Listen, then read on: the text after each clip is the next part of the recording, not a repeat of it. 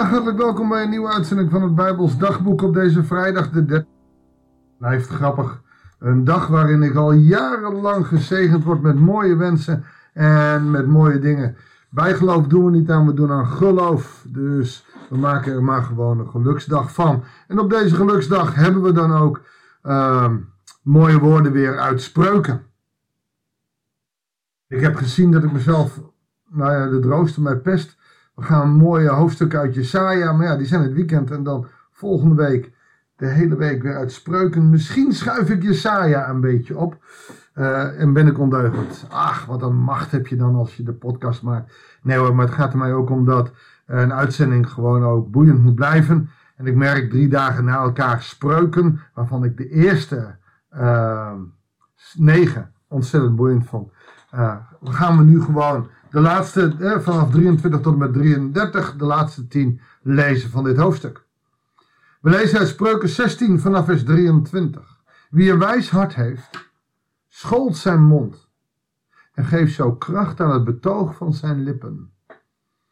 Deze doet zeer hoor. Ik ben uh, nogal primair. Ik kan heel primair reageren op mensen. En af en toe zou mijn mond geschoold moeten worden. Um, waardoor dat wat je zegt ook kracht krijgt. En dat is niet altijd het geval. En dat is best wel lastig, best wel jammer. En toch is het voor ons allemaal. Is het ook niet dat er een prachtig mooi hoofdstuk staat over de tong? Hoe die de schermte en een, een, een klein orgaan zoveel kracht heeft om mensen kapot te maken.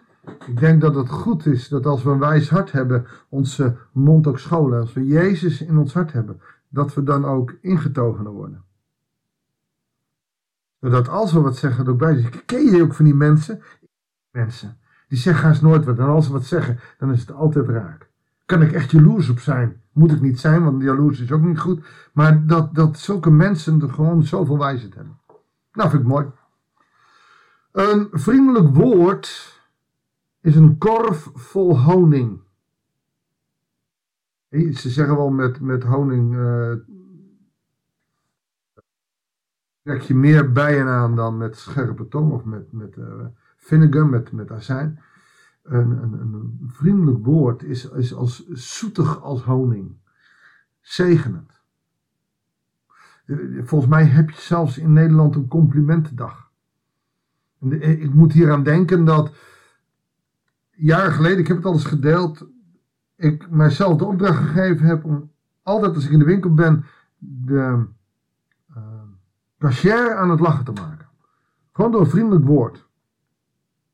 Gisteren ook weer, het was, het was niet veel, maar gewoon iemand moest even schateren. Iemand heeft een goed moment. Terwijl je de hele dag zit, piep, piep, piep.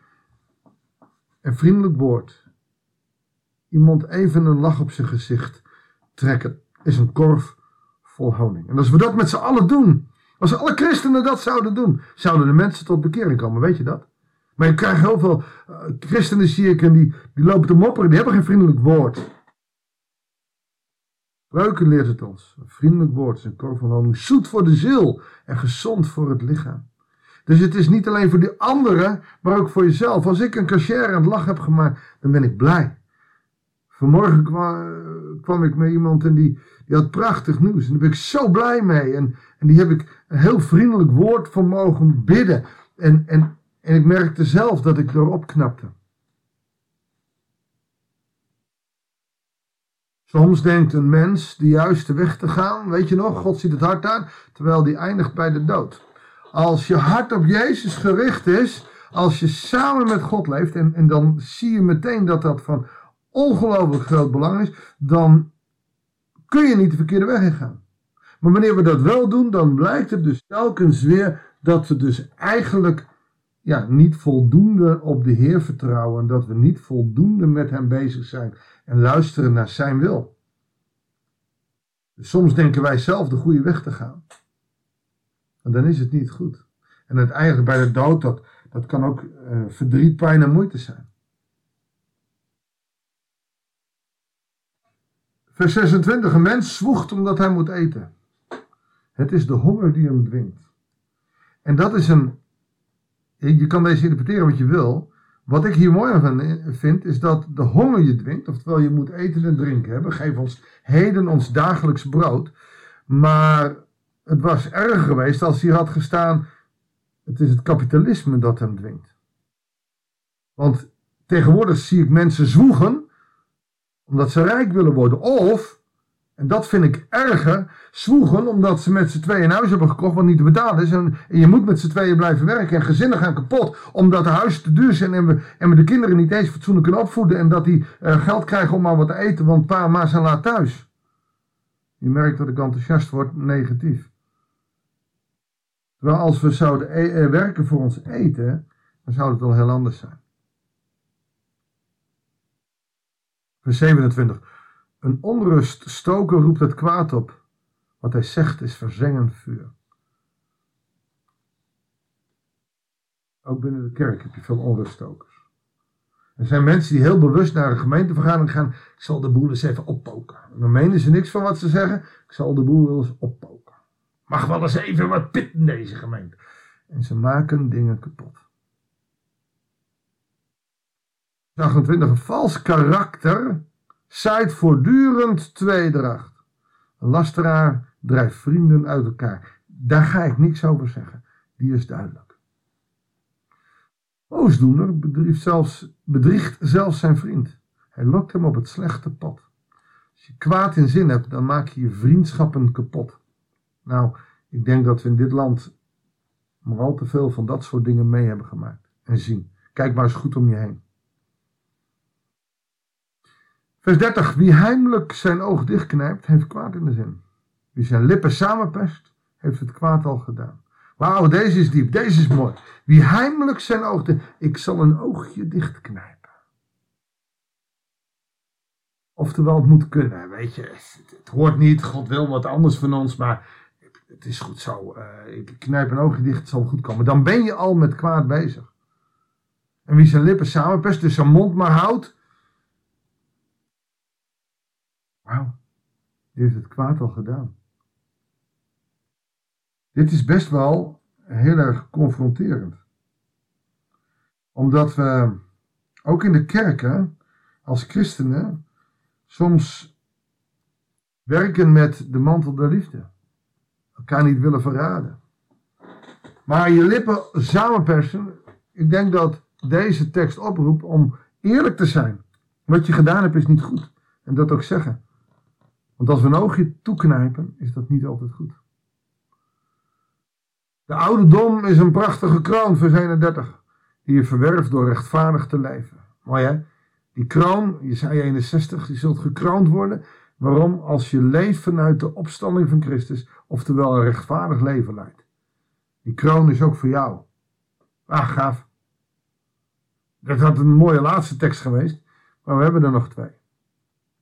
Beter een geduldig mens dan een vechtjas. Beter zelfbeheersing dan een stad veroveren. Ja, dat snap ik. Dat is ook, en dit gaat dan over veroveren van een stad, maar geduldigheid, eh, geduld is een schone zaak, maar niet iedereen heeft dat. Men werpt het lot in een mantel. De Heer bepaalt hoe het valt. Oftewel, het is niet het lot wat je. Uh, karma zeggen ze tegenwoordig, niet wat je leven leidt. Uiteindelijk is het God die. En vroeger werd er veel met het lot gedobbeld, ook eh, als iemand, hè, toen een, een nieuwe uh, discipel moest komen, werd het lot geworpen. En binnen kerken hebben we nog de verkiezing. Uh, maar God uiteindelijk, mensen kiezen, maar God bepaalt hoe het lot valt. Maar ik blijf even zitten bij vers 31. Die wil ik je voor vandaag meegeven. De ouderdom, dus elke dag een jaartje ouder worden, is een prachtige kroon. Die je verwerft door rechtvaardig te leven. En dan zal ik je vertellen dat ik dit een cadeautje vind. Ik ben vandaag jarig, op deze vrijdag de 13e. En nou, je wordt een dagje ouder en dat is helemaal niks mis mee. Maar de ouderdom is een prachtige kroon. En die je verwerft door rechtvaardig te leven. En het roept mij op om ook in mijn nieuwe levensjaar rechtvaardig te leven.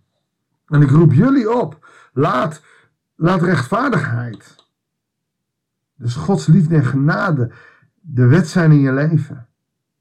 Dat er recht is voor iedereen, ook voor mensen die geen geld hebben. Rechtvaardig te leven. Dan krijg je een prachtige kroon. En als je wil weten hoe die, met die kroon heb je een prachtig mooie tekst. De eerste tien versen van Jesaja 61. Die kan je daarbij lezen. Wat een geweldig cadeautje. Zullen we God daarvoor danken.